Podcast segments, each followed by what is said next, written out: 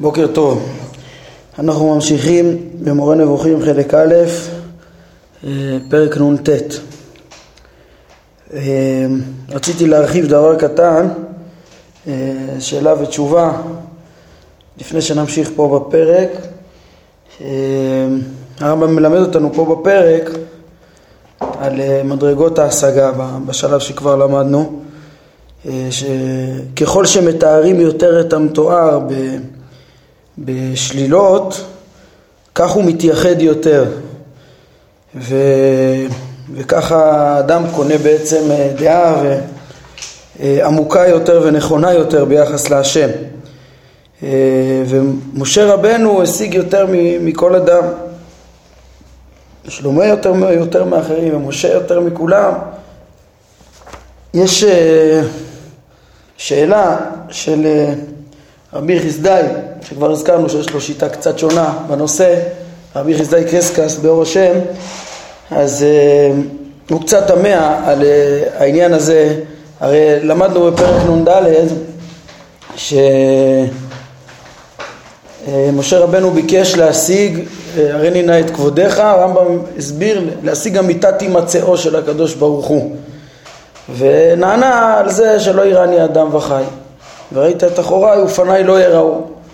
אז אחת השאלות של רבי חסדאי, באופן כללי יש לו שיטה אחרת, אבל אה, אחת השאלות שלו זה איך אה, משה בכלל היה לו הווה אמינא לנסות להשיג את העצמות. אה, קצת תמוה, זה אפילו אנחנו מבינים פה אחרי כמה פרקים ברמב"ם שזה לא שייך לחלוטין כל תיאור חיובי לקדוש ברוך הוא. ומה פתאום, משה היה צריך לשאול את זה ולקבל תשובה שאפשר לה, להשיג רק את פעולותיו ואין שום תואר עצמי וגם מידותיו הם תארי פעולות וכולי. ויש לו תשובה על פי דרכו ואת הרמב"ם הוא רוצה לתרץ אה, בתשובה שהרמב"ם לא אמר אותה, כן, אבל הוא רוצה, אומר לשיטת הרמב"ם יש לומר שכל המחזה הזה זה לא שבאמת משה הוגשה לו אלא הוא נכתב כדי ללמדנו את, הדבר, כן? או אפילו הוא כותב שם, אולי כולו היה במראה הנבואה, וכבר מצינו שנביא יכול לראות במראה הנבואה את עצמו עומד ושואל והקדוש ברוך הוא משיב לו, וכל החידה הזאת וכל המשל הזה אה, זה רק כדי ללמד אה, את, ה, את התכנים האלה אחר כך כשהוא כותב את זה, כשהוא מספר את זה, כן? מעין זה הרמב"ם אה, אומר, אה, אנחנו נראה בפרקי הנבואה שהוא ירמוז שפרשת אה, וירא אז יש שם מחזה שבו אברהם רואה את עצמו מכניס אורחים ואת עצמו עומד לפני השם וכדומה, יש עיקרון כזה. אז לפי זה הוא רצה גם לפרש את המעמד של משה. אז האמת שהרמב"ם לא אמר ככה, וגם יש בזה אה, קצת חכים, גם אה, רבי חסדאי מאיר, שהרי משה רבנו לא התנבא דרך אה, משלים וחידות, כן, אז שהוא יראה את עצמו במשל וחידה, אפשר לפרש את זה עוד לפני שיא השגתו, אבל לא ברור. בקיצור, מה שאני רוצה להראות זה משהו, כן, איך הרמב"ם פירש את השאלה והתשובה הזאת במשנה תורה, ביסודי התורה פרק א', וזה, וזה יהיה תשובה שהרמב"ם עצמו עונה, וזה שייך לפרק שלנו. גם כן. כן, כבר קישרנו את זה בסוף השיעור שעבר לפרק נ"ד, גם כן, אבל אה, בואו נראה רגע. אז הרמב"ם פרק א' ביסודי התורה, על, אה, הלכה י', אומר ככה, מהו זה שביקש משה רבנו להשיג כשאמר הריני נא את כבודיך, כן, אחרי שהרמב"ם הקדים שאי אפשר להשיג את אה, השם בכלל, אז מה הוא ביקש להשיג? ביקש לידע אמיתת הימצאו של הקדוש ברוך הוא עד שיהיה ידוע בליבו כמו ידיעת אחד מן האנשים שראה פניו ונחקקה צורתו בקרבו שנמצא אותו האיש נפרד בדעתו משאר האנשים.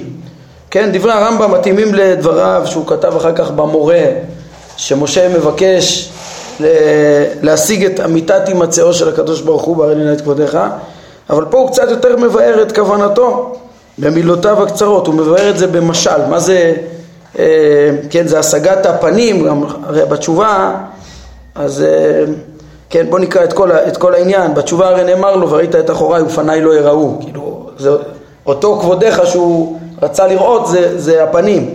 אז הרמב"ם אומר, מסביר לנו פה את זה יותר מדויק, כן? נקרא את כל העניין. כך ביקש משה רבנו להיות מציאת הקדוש ברוך הוא נפרדת בליבו משאר מציאת הנמצאים עד שידע מיתת הימצאו כמה שהיא והשיבו ברוך הוא שאין כוח בדעת האדם החי שהוא מחובר מגוף ונפש להשיג אמיתת דבר זה על בוריו והודיעו ברוך הוא מה שלא ידע אדם לפניו ולא ידע לאחריו עד שהשיג מאמיתת הימצאו דבר שנפרד הקדוש ברוך הוא בדעתו משאר הנמצאים כמו שיפרד אחד מן האנשים שראה אחוריו והשיג כל גופו ומלבושו בדעתו משאר האנשים. ועל דבר זה רמז הכתוב ואמר וראית את אחוריי ופניי לא, לא יראו. כן, לא שאפשר לראות את השם ושמשה רצה לראות את פניו וראה את אחוריו אלא הרמב"ם רואה את זה כמשל כן, מה המשל? משה רוצה להשיג, אה, כן, מה ההבדל בין, בין השגת אדם אה, שרואים את פניו לבין שרואים את אחוריו? אם, אם, אם רואים את הפנים של האדם, אז אפשר להבדיל בינו לבין כל האנשים, כי פרצופיהם שונים, כן? ואם רואים רק את אחוריו, אז אפשר עוד להתבלבל, יש עוד דומים ממאחורה, אה, כן? אבל, אז זה המשל, הרמב"ם אומר שזה המשל, והתוכן הוא שיש כאן מדרגות בהבנה כמה השם נפרד, כמה מציאותו, המצאת, הימצאו של אה, הבורא נפרד, נפרד, נפרדת, מציאות ההיא ועצמותו נפרדת משאר הנמצאים. תשימו לב, יש כאן הבהרה יותר ברורה מה בקשתו של משה רבנו ואני חושב, חושב שהקושייה של רב חסדאי אה, מתורצת במה שכתוב כאן. כשמשה רוצה להכיר את אמיתת הימצאו הוא לא מחפש תואר חיובי מראש אלא הוא רוצה, אה, כן, איך, איך קראנו אצלנו? שככל שאדם ישלול יותר אז הוא מייחד יותר, כן, את הצורה בלי להגדיר אותה.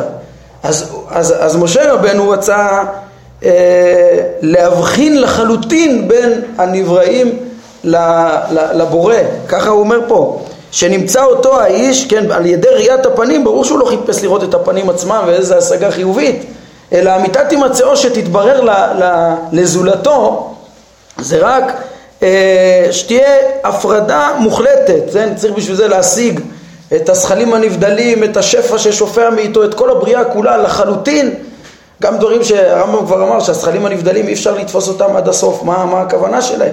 ממילא גם לא להבחין עד הסוף בין מציאותם, אנחנו יודעים שהם אפשרי המציאות, אבל בין מציאותם למציאות הבורא. וכדי שיהיה עד הסוף הדבר הזה ברור, הוא אומר זה מישהו מחובר בגוף ונפש לא יכול לתפוס את הדברים האלה. כן, גם שכל נבדל, השכלים הנבדלים, הרמב"ם אומר, המלאכים לא יודעים את השם כפי שהוא, בלתי אפשרי, לא יודע אותו, קראנו בפרק שלנו, לא יודע את עצמותו אלא הוא, כן, אבל סוף סוף אני חושב שיש כאן הגדרה שוללת, כן, גם ביחס לעצמות, משה רבנו רצה להשיג את ההבחנה, את הנבדלות של הבורא מהבריאה בהבחנה מוחלטת והבורא נתן לו יותר מכל מה שאדם אחר הצליח להשיג, להבחין, כן, הוא, כן, בהמשך בפרק ז' הוא מתאר שנפשו נתערבה עם המלאכים, עם המדרגה של האישים, עם ה... כן, השכל האחרון בהשתלשלות הזכלים והוא השתחרר מהדמיון, אין מחיצה שלא קראה מבחינת תיקון המידות שלו, מבחינת, כן, הגיע לשיא ההפשטה ולשיא ההבחנה שאדם אה, יכול יותר ממה שכל אדם יכול אה, בגוף, אבל זה עוד לא שיא ההבחנה כמו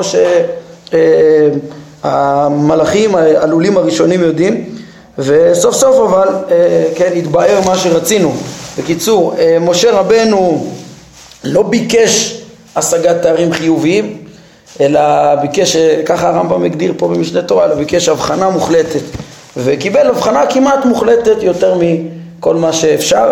זה, זה מתאים למדרגות ההשגה שדיברנו עליהן אה, בפרק שלנו, אה, שזה, כן, בסוף בסוף אה, השיעור שעבר דיברנו על זה שחוץ מזה הוא גם התעלה בעצם זה שהוא תיקן את מידותיו וידמה וידע את הפעולות האלוקיות, ההנהגה האלוקית, המצוות האלוקיות יותר מכולם, כן, את ההנהגה, איך השם מנהיג את הברואים, אבל זה רק מצד ההנהגה, זה לא מצד אמיתת עצמו. ולכן הרמב"ם המשיך, אחרי פרק נ"ד אמרנו, והמשיך לפרק שלנו, אה, כדי להבין שיש גם, מה היחס המדויק, שהייחוד הכי גדול שאפשר לתפוס בתפיסה, שייחד את הבורא משאר הנמצאים. בזה יש דרגות דרגות, יש ממש לא יודעים להבחין ומגשימים, ויש ששוללים את זה בוודאות, ויש ששוללים היפעלויות, ויש ששוללים יותר ויותר, עד שממש מייחדים, בלי תפיסה חיובית שבלתי ניתנת, אה, אבל מייחדים את אה, דעת השם. אה, כן, אז דיברנו על כל הבחינות של המדרגות, מה ש... ידיעת ההנהגה בפרק נ"ד ובחינות הייחוד שבפרק שלנו ולמה זה החלק העליון שמכוחו, מכוח תפיסה באמת עמוקה אז אדם גם יכול להיות אחר כך טוב ולהדריך את הבריות. עכשיו אנחנו ממשיכים בפרק שלנו הפרק שלנו, כן, הרמב"ם גם כן יוצא בנפקא מינה מתוך אה, הבנה ש... שכל תואר חיובי הוא גנאי אז uh, הרמב"ם מגיע למסקנה הבאה, uh, גם כן ללמד אותנו מה הדרך השבח הראויה. ההולם ביותר מכל מה שנאמר בעניין הזה, כן אני קורא בפסקה 7, קצת לפני איפה שעצרנו, הוא דבריו בתהילים, לך דומיה תהילה. פירושו השתיקה לגביך היא השיבוח. ו- וזה לשון עולה מאוד מאוד לגבי העניין הזה, שאי אפשר להשיג את השם, ושאי אפשר לייחס לו תארים חיוביים, כי כל דבר שאנחנו אומרים ומכוונים בו להגדיל ולשבח, נמצא בו פגיעה מסוימת בו יתעלה, ויהיה בו חסרון כלשהו, כל תואר חיובי שנאמר. על כן השתיקה עדיפה ויש להסתפק במה שהשכלים משיגים, כן, כמו שציווה את השלמים ואמר אמור וילבכם על משכבכם ודומו סלע. כן, וכמו שאמרנו בדיבור, למדנו בפרק נ"ז, הדיבור צר מאוד, אף פעם הוא לא יבטא את הרעיון. תגיד אחד, זה, תגיד נמצא, תגיד אפילו הדברים הכי אה, כאילו הכרחיים לייחס, זה במושגים שלנו, זה, זה אצלו יוסיף הרכבה. לכן, כן, רק השלילות זה שלא מתארים אותו, או רק בדעת אפשר להתייחס בצורה נכונה לבורא, לכן יברו בלבבכם ודומו.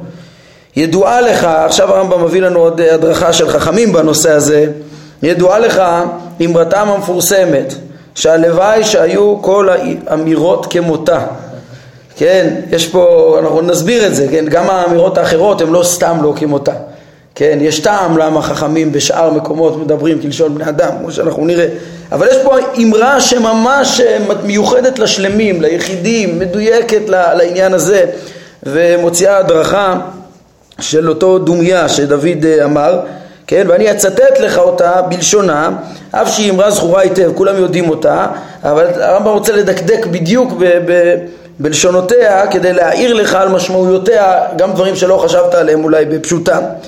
אמרו, בגמרא בברכות, ההוא דנחת כמד רבי חנינא, כן, אותו אדם שירד להתפלל כשליח ציבור לפני רבי חנינא, אמר, האל הגדול, הגיבור והנורא, האדיר, החזק, הירוי והעיזוז. אמר לרבי חנינא, שלמתה לשבחי דמרח? סיימת את שבחי אדונך, השם? אשתא ענן תלת קמייתא, שלושת הראשונים שאמרת, שאנחנו אומרים בתפילה, אלמלא דאמרינו משה רבנו, ככה הוא פנה אל השם, ועטו אנשי כנסת הגדולה ותקנינו בתפילה, ענן לא הווה יכלינן לממרינו.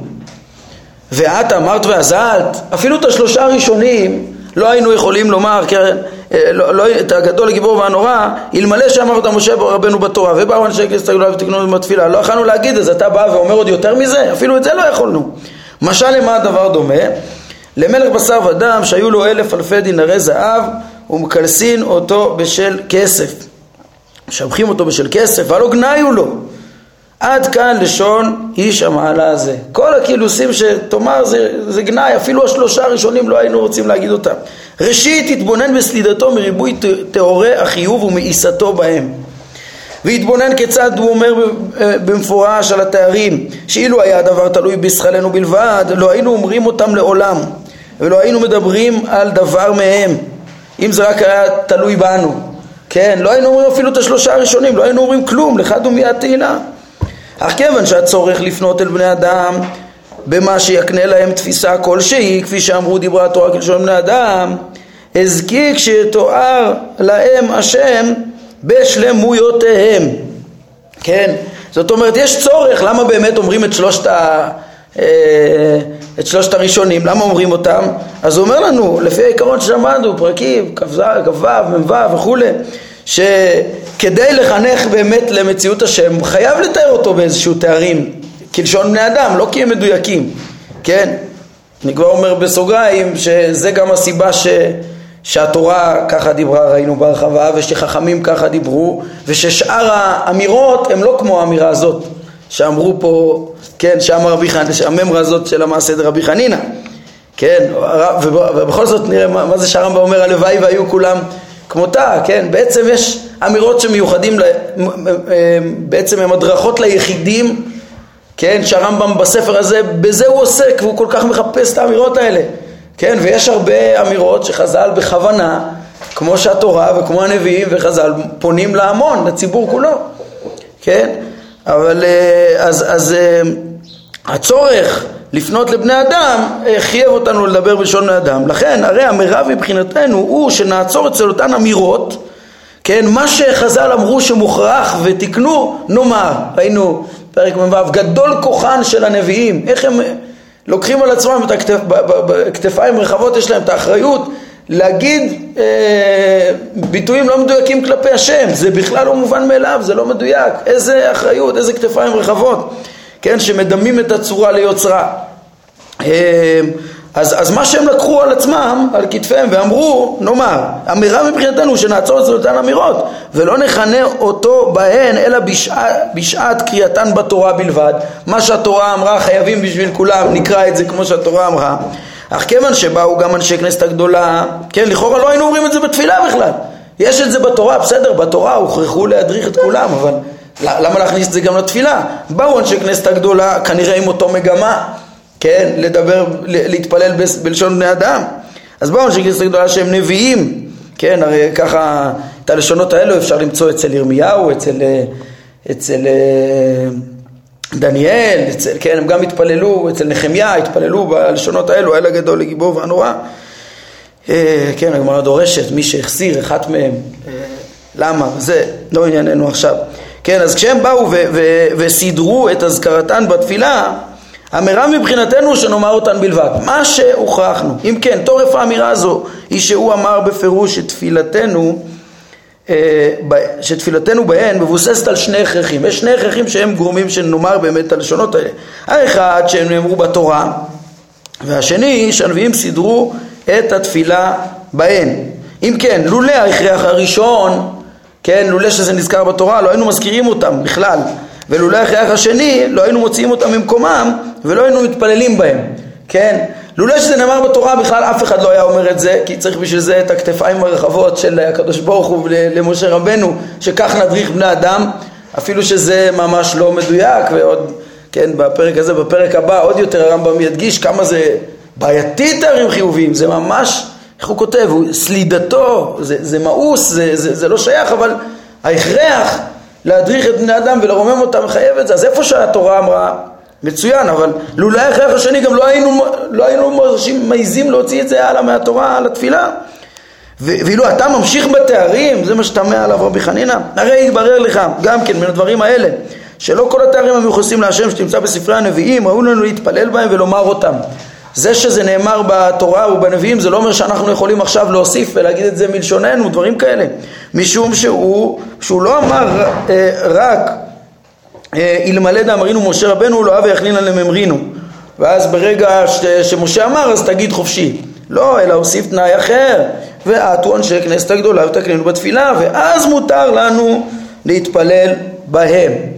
מכאן, אה, כן, מי ההבנה של תואר השלילה שצריכה להיות ושום, והחיסרון שבייחוס תארים חיוביים אז הבנו את הממר של רבי חנינא. ומזה הרמב"ם גולש גם לפולמוס נגד הפיוטים אומר הרמב"ם, כן, מה שיוצא מה, מהדבר הזה דרך אגב מובא פה ההלכה שהרמב"ם פוסק את זה להלכה בהלכות תפילה פרק ט' כן, וכן לא ירבה בכינויים של השם ויאמר האל הגדול הגיבור והנורא החזק והאמיץ והעיזוז שאין כוח באדם להגיע סוף שבחיו, אלא אומר מה שאמר משה רבנו.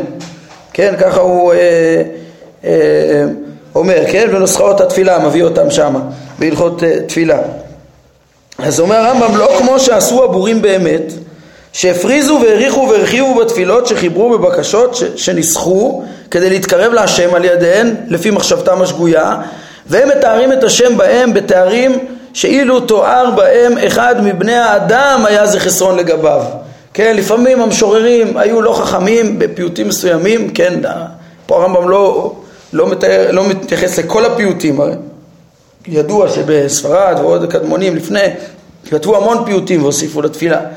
והביקורת של הרמב"ם היא לפי, כן, מצד התוכן אני אומר, הוא לא, הוא לא אומר לאיזה פיוטים הוא מתכוון, מצד התוכן הוא מדבר על כאלה שהם אה, פוגעים בכבוד שמיים, עצם זה שהם מוסיפים תיאורים אפילו יהיו תיאורים חיוביים וכל שכן שהוא הכיר פיוטים שהם אה, אה, אומרים, מתארים את השם בתארים שאילו תואר בהם אחד מבני אדם היה זה חסרון לגביו כי אין הם מבינים את העניינים הנכבדים האלה הזרים לשכלי ההמון ועשו את השם יתהדר ויתרומם אסקופה נדרסת ללשונותיהם ותיארו, ותיארו ופנו אליו בכל מה שחשבו שהוא מותר, כאילו מותר לתאר אותו בדברים האלה, בפניות האלה, והם מפריזים בזה עד שהם מעוררים אותו להיפעלות לפי מחשבת השווא שלהם, כאילו הוא מתפעל, מתארים את המידות שלו וכדומה, שכאילו במחשבה המונית זה מצוין, אבל זה חיסרון גדול, מה הם, מה הם ייתנו מקור מהתורה או מהנביאים? הגמרא אומרת, לולא שתקנינו בתפילה לא אומרים אותם, מי שיבין את הדברים האלה באמת מה משמעותם? לא יגיד ביטויים לא מדויקים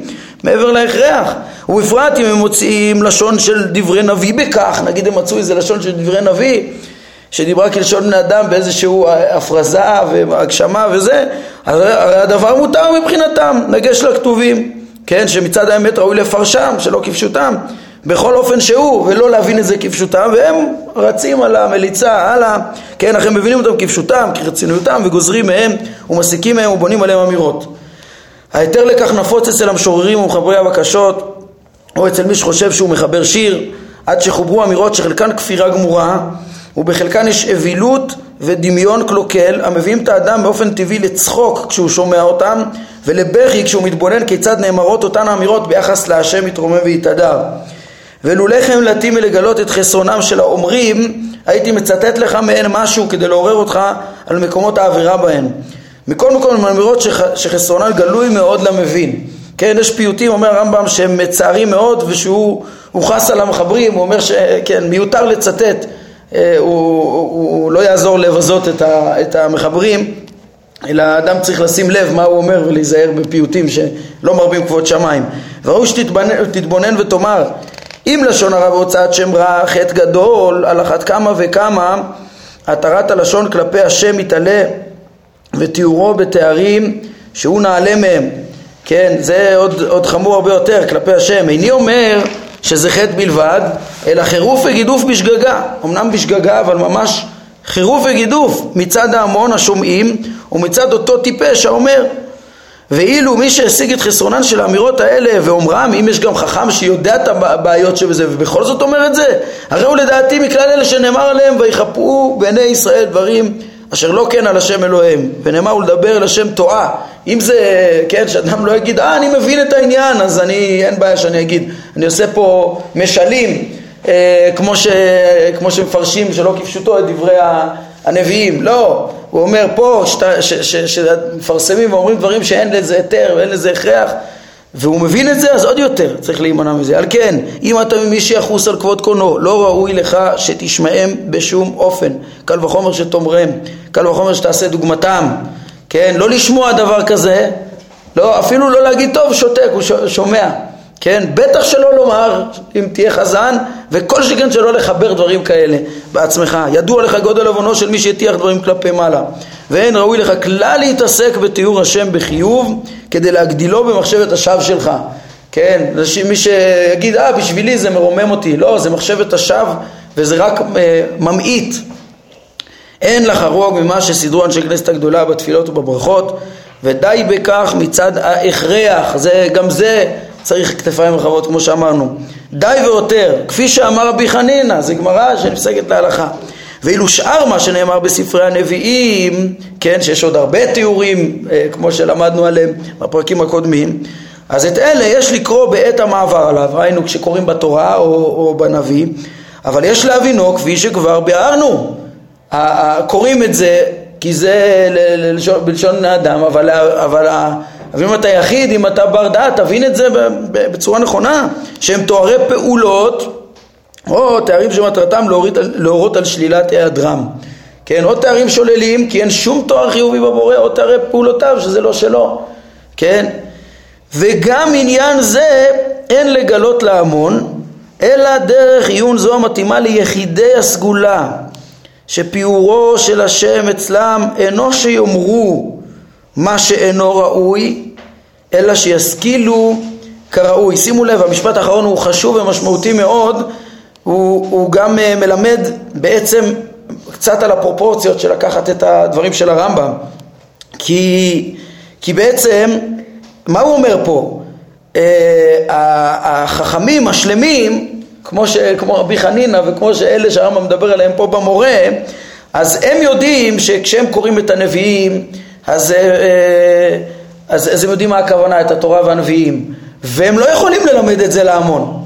שרחום וחנון זה תארי פעולות ולא מידות, שכל מיני תיאורים אה, מגשימים, ל, ל, לא כל דבר, כולם אפשר ל, ללמד אותם שהשם הוא לא גוף, אבל לפרש להם את הפסוקים, את הכוונות, את כל הסודות, ראינו כמה תכנים נרמזו ב, ב, במשמעות היותר מדויקת שבכל התארים לאורך כל הפרקים הקודמים.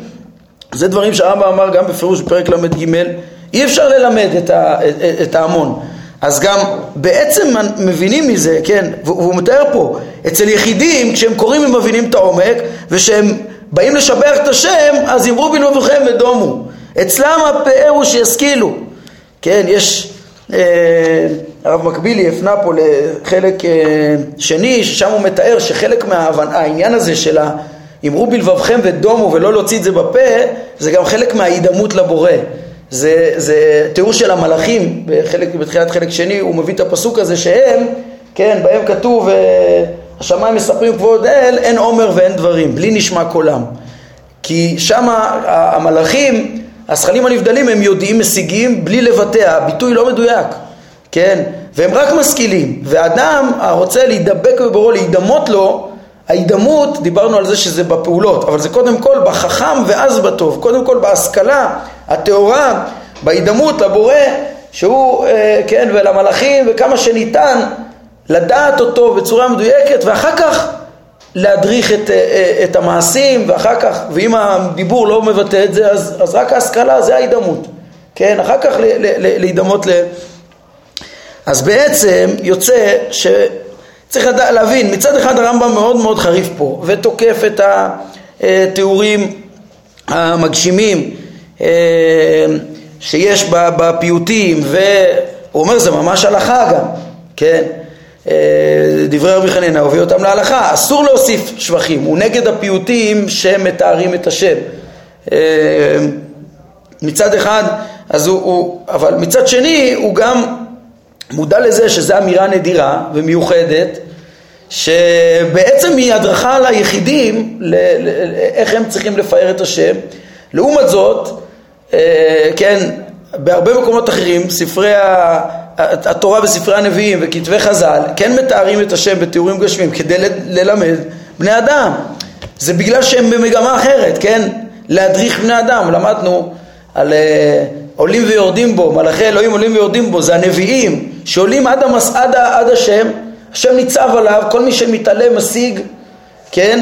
ומתוך ההשגה הטהורה העמוקה, אז הם יורדים. מה זה יורדים? להדריך בני אדם, להדריך את פעולותיהם, להדריך את הציבור כולו.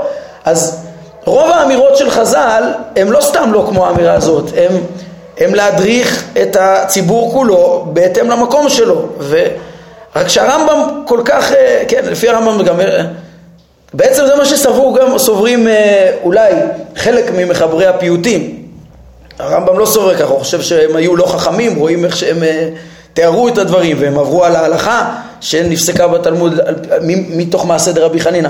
אבל בעצם תחשבו שיכול להיות תאורטית גם חכמים שהניחו פיוטים כאלה, שהם גם יהיו כלשון בני אדם, כאילו איזה מין המשך החז"ל שהמשיכו את הנבואה. וככה אפשר ללמד זכות על אה, פיוטים מסוימים, שזה כאילו מתוך המגמה של לדבר בלשון בני אדם, לפחות אם זה מגיע מתוך חוכמה. חז"ל ככה נקטו במקומות אחרים. הרמב"ם בפירוש בפרק מ"ו אמר שזה מגמתם של חכמים, ש, שהם אמרו, כן, בפירוש אומר, למה חכמים אמרו, מה, כל מה שאתה מוצא בתלמוד, אני קורא במ"ו פסקה 18 בתלמוד המדרשות שהם תמיד מרבים להשתמש בפשטי הנבואה הללו משום שהם יודעים שדבר זה מוגן מבלבול כי הם כבר אה, לימדו ש... כן, שהכל לא כפשוטו כי יש פה צורה שמדמים ליוצרה, הוא הביא שמה אבל, והם מבינים את זה, עושים את זה כלשון בני אדם כן, ככה הוא, הוא מביא שם למה הם עושים את זה בכל מקום? כי הם אה, משתמשים בדרך של התורה, שככה מסביר שם פרק מ"ו. בקיצור, אז אה, זה בעצם הנקודה הזאת, כן? הרמב"ם פה אומר, פה חז"ל דרשו ככה איזה הלכה בהתאם להשכלה של היחידים מהמון, כן? אבל לעומת זאת במקומות אחרים הם כן לקחו את הכתפיים הרחבות לדבר כלשון בני אדם, כן? זה, פה הרמב"ם מתייחס ל, להתנגדות, אני כבר מסיים, כן? הרמב"ם, אני רק אעיר פה רגע הערה, לפני שנשלים את הפרק, הרמב"ם פה בעצם אה, אומר ביקורת על פיוטים מסוימים שיש בזמנו, אלה שיש בהם פגיעה, יש בהם תיאורים חיוביים, ובטח אם זה תיאורים חיוביים בעייתיים. צריך לדעת שהוא לא, אה, זה לא הסיבה היחידה שהוא התנגד לפיוטים, והוא לא היחיד שהתנגד לפיוטים, הרבה לפניו גם. כן, אה, הרמב"ם בהקדמה לספר המצוות הוא שם גם אה, אה, מתנגד למניין המצוות שיש אצל המשוררים. כן, יש משוררים אה, שכתבו אזהרות וכדומה אצל בימי הגאונים ולפניו הוא אומר שהם בכלל לא מנו נכון את המצוות או שנמשכו אחרי בהאג או שהגדירו הגדרות הלכתיות לא נכונות כן, חוץ מזה יש לו בתשובות גם על מקומות של, זה הרבה פוסקים דנו בבעיות של, בפיוטים מצד הפסק בתפילה, אם הוסיפו פיוטים בתוך ברכות קריאת שמע, או בתפילה, או משהו כזה, וזה בעיות אחרות. כן, אבל עוד לפני הרמב"ם, זה, בזה הוא לא עוסק פה בפרק, עוד לפני הרמב"ם, הרמב"ם פה מסיים את הפרק בפסוק בקהלת, כן, כי האלוהים בשמיים ואתה על הארץ, על כן יהיו דבריך מעטים. שגם כן מפרש את זה כמו שנראה בהקשר של אה, לא, לא לומר אה, מה שאין הכרח, אין תארים חיוביים, ש, שבהקשר הזה, ולכן ברור לי שהרמב"ם ככה בהשראת אותם דברים כתב את זה, שמה במקום האבן עזרא מעריך נגד הפיוטים. כן, אצל אבן עזרא זה מארבע סיבות, חלקם שייכות למה שהרמב"ם אומר. ארבע סיבות הוא כותב אה, נגד הפיוטים הרבים המצויים, רוב הפיוטים, כן, הוא, הוא מתנגד אפילו לפיוטים של הקליר, והוא מזכיר חלק מהחכמים, הוא משבח את, את פיוטי רס"ג שהם פיוטים טובים, אבל אחרים הוא מוצא, הוא מוצא בפיוטים ארבע בעיות, אבן עזרא. אחד, זה שיש הרבה פיוטים שכתובים שלא מובן כוונתם, לא מובן בכלל מה הם אומרים, והוא מראה איך שאפילו מפרשי הפיוטים מתקשים להבין מה הכוונה. הוא אומר שצריך להתפלל בהבנה ולא בדברים חסרי פשר. חוץ מזה, הוא מתנגד לזה ששילבו בפיוטים ארמית ושפות אחרות. זה בעיה שנייה. בעיה שלישית זה שיש בהם טעויות דקדוק, שהוא מביא גם כן דוגמאות, דוגמאות לרוב. ובעיה רביעית היא שייכת אלינו, אה, זה שהוא אומר שהרבה פיוטים הם על פי מדרשים ועל פי יסוד. הוא אומר לא שייך לפנות בדברים בממורות אגדתיות, אני יודע מה הוא מביא. כתוב שכל שלמה שבשיר השירים קודש, זה מלך שהשלום שלו. אז אולי נגיד ברוך אתה שלמה, נפנה ככה להשם, אולי, הוא מביא ככה דוגמאות, אה, אה, כן, יש מקום שאם אריה לא ישאג, אם אריה ישאג מי לא יירא, אז השם כונה אריה, אז אולי תגיד ברוך אתה אריה. הוא, הוא כאילו, והוא מראה שיש פיוטים כאלה, ו, וצריך, הוא אומר, שהכוונה תהיה ברורה, מדויקת, ולא שיש לה איזה פירוש ומשלים וזה, זה קצת קשור לביקורת של הרמב"ם. אם כבר בביקורת על הפיוטים עוסקים, אז אז לפני הרמב"ם אז, אז ב, ב, היה גם, גם חובות הלבבות מסיבה אחרת, אמר שטוב מעט בכוונה מהרבות שלא בכוונה, ודיבר על זה בהרחבה על פי דרכו. בכוזרי, בסוף מאמר שני, אה, ע"ג עד ע"ח, אז הוא גם כן אה, כותב על הפיוטים שזה מלאכותיות ומרי מצידנו, הוא מדבר על מעלת השפה העברית ואיך הפיוטים שהוא עצמו בצעירותו כתב רבים כאלה במשקלים אז הוא אומר זה חיקוי של הערבים וזה לא הסגנון שהנביאים דיברו ומונה הפסדים, שיש בזה ככה, מפסידים את המעלות השפה, דיוקים לשוניים, דקדוקיים, והעברת המסר המדויק, הברור שיש בתנ"ך. אה, בקיצור, לפני הרמב"ם כבר היה הרבה ביקורות על הפיוטים, אז ככה הוא הוסיף כאן על פי דרכו את הבעיה אה, שיש בכלל בתיאור השם בפיוטים. ונסיים את הפרק, אשוב להשלים את ההערה. על אמירת רבי חנינא, כן, הוא לא סתם ציטט אותו כי הוא רצה לדייק פה משהו בלשונו, הוא לדייק בה, כן, הוא לא אמר משל למלך שהיו לו אלף אלפי, אלף אלפים דינרי זהב ומכנסים אותו במאה דינרים. יש לו אלף אלפים ומכנסים אותו בפחות ממה שיש לו מאותו סוג, כן, כי משל זה היה מורה ששלמויותיו יתעלה, השלמויות של השם שלמות יותר מאותן שלמויות שייחסו לו, כן, אך הן מן המין שלהם, זה כאילו אותו מין. ואין הדבר כן, כפי שהוכחנו זה בכלל לא אותו מין, בכלל אי אפשר לתאר אותו בשום דבר שייך לשלמויותינו, אלא דיוק המשל הזה הוא דבריו דינרי זהב, יש לו דינרי זהב, כן, אלף אלפי דינרי זהב, ומכנסים אותו בשל כסף, כדי להראות שמה שהן אצלנו שלמויות, מה שאצלנו זה, זה כסף, זה מעלה, נעלה, אין אצלו יתעלה דבר ממינן, זה בכלל לא אותו מין, אלא כולן חסרון לגביו. כפי שבאר ואמר במשל הזה, והלא גנאי הוא לו. כל השלמויות שתגיד זה גנאי, כן? הרי הודיע לך שכל מה שתחשוב מן התארים האלה, שהוא שלמות או חסרון, לגביו יתעלה. אה, כל מה שאתה חושב שהוא שלמות, הוא חיסרון לגביו יתעלה. אם הוא ממין מה שאצלנו, כל מה שאנחנו מכירים, כל מה שאנחנו תופסים זה אה, חיסרון. אצלנו, כן, ובזה הוא משלים את המאמר המוסגר הזה, כאילו יצאנו מן העניין, זה נפקא מינה מתוך, ה, מתוך התארים החיוביים, ומסיים בראייה גם מדברי שלמה, וכבר הנחה אותנו שלמה עליו השלום, בעניין זה, בדברים מספיקים, ואמר כי האלוהים בשמיים ואתה לארץ, על כן יהיו דבריך מעטים. עד כאן להיום, ברוך אדוני לעולם, אמן ואמן.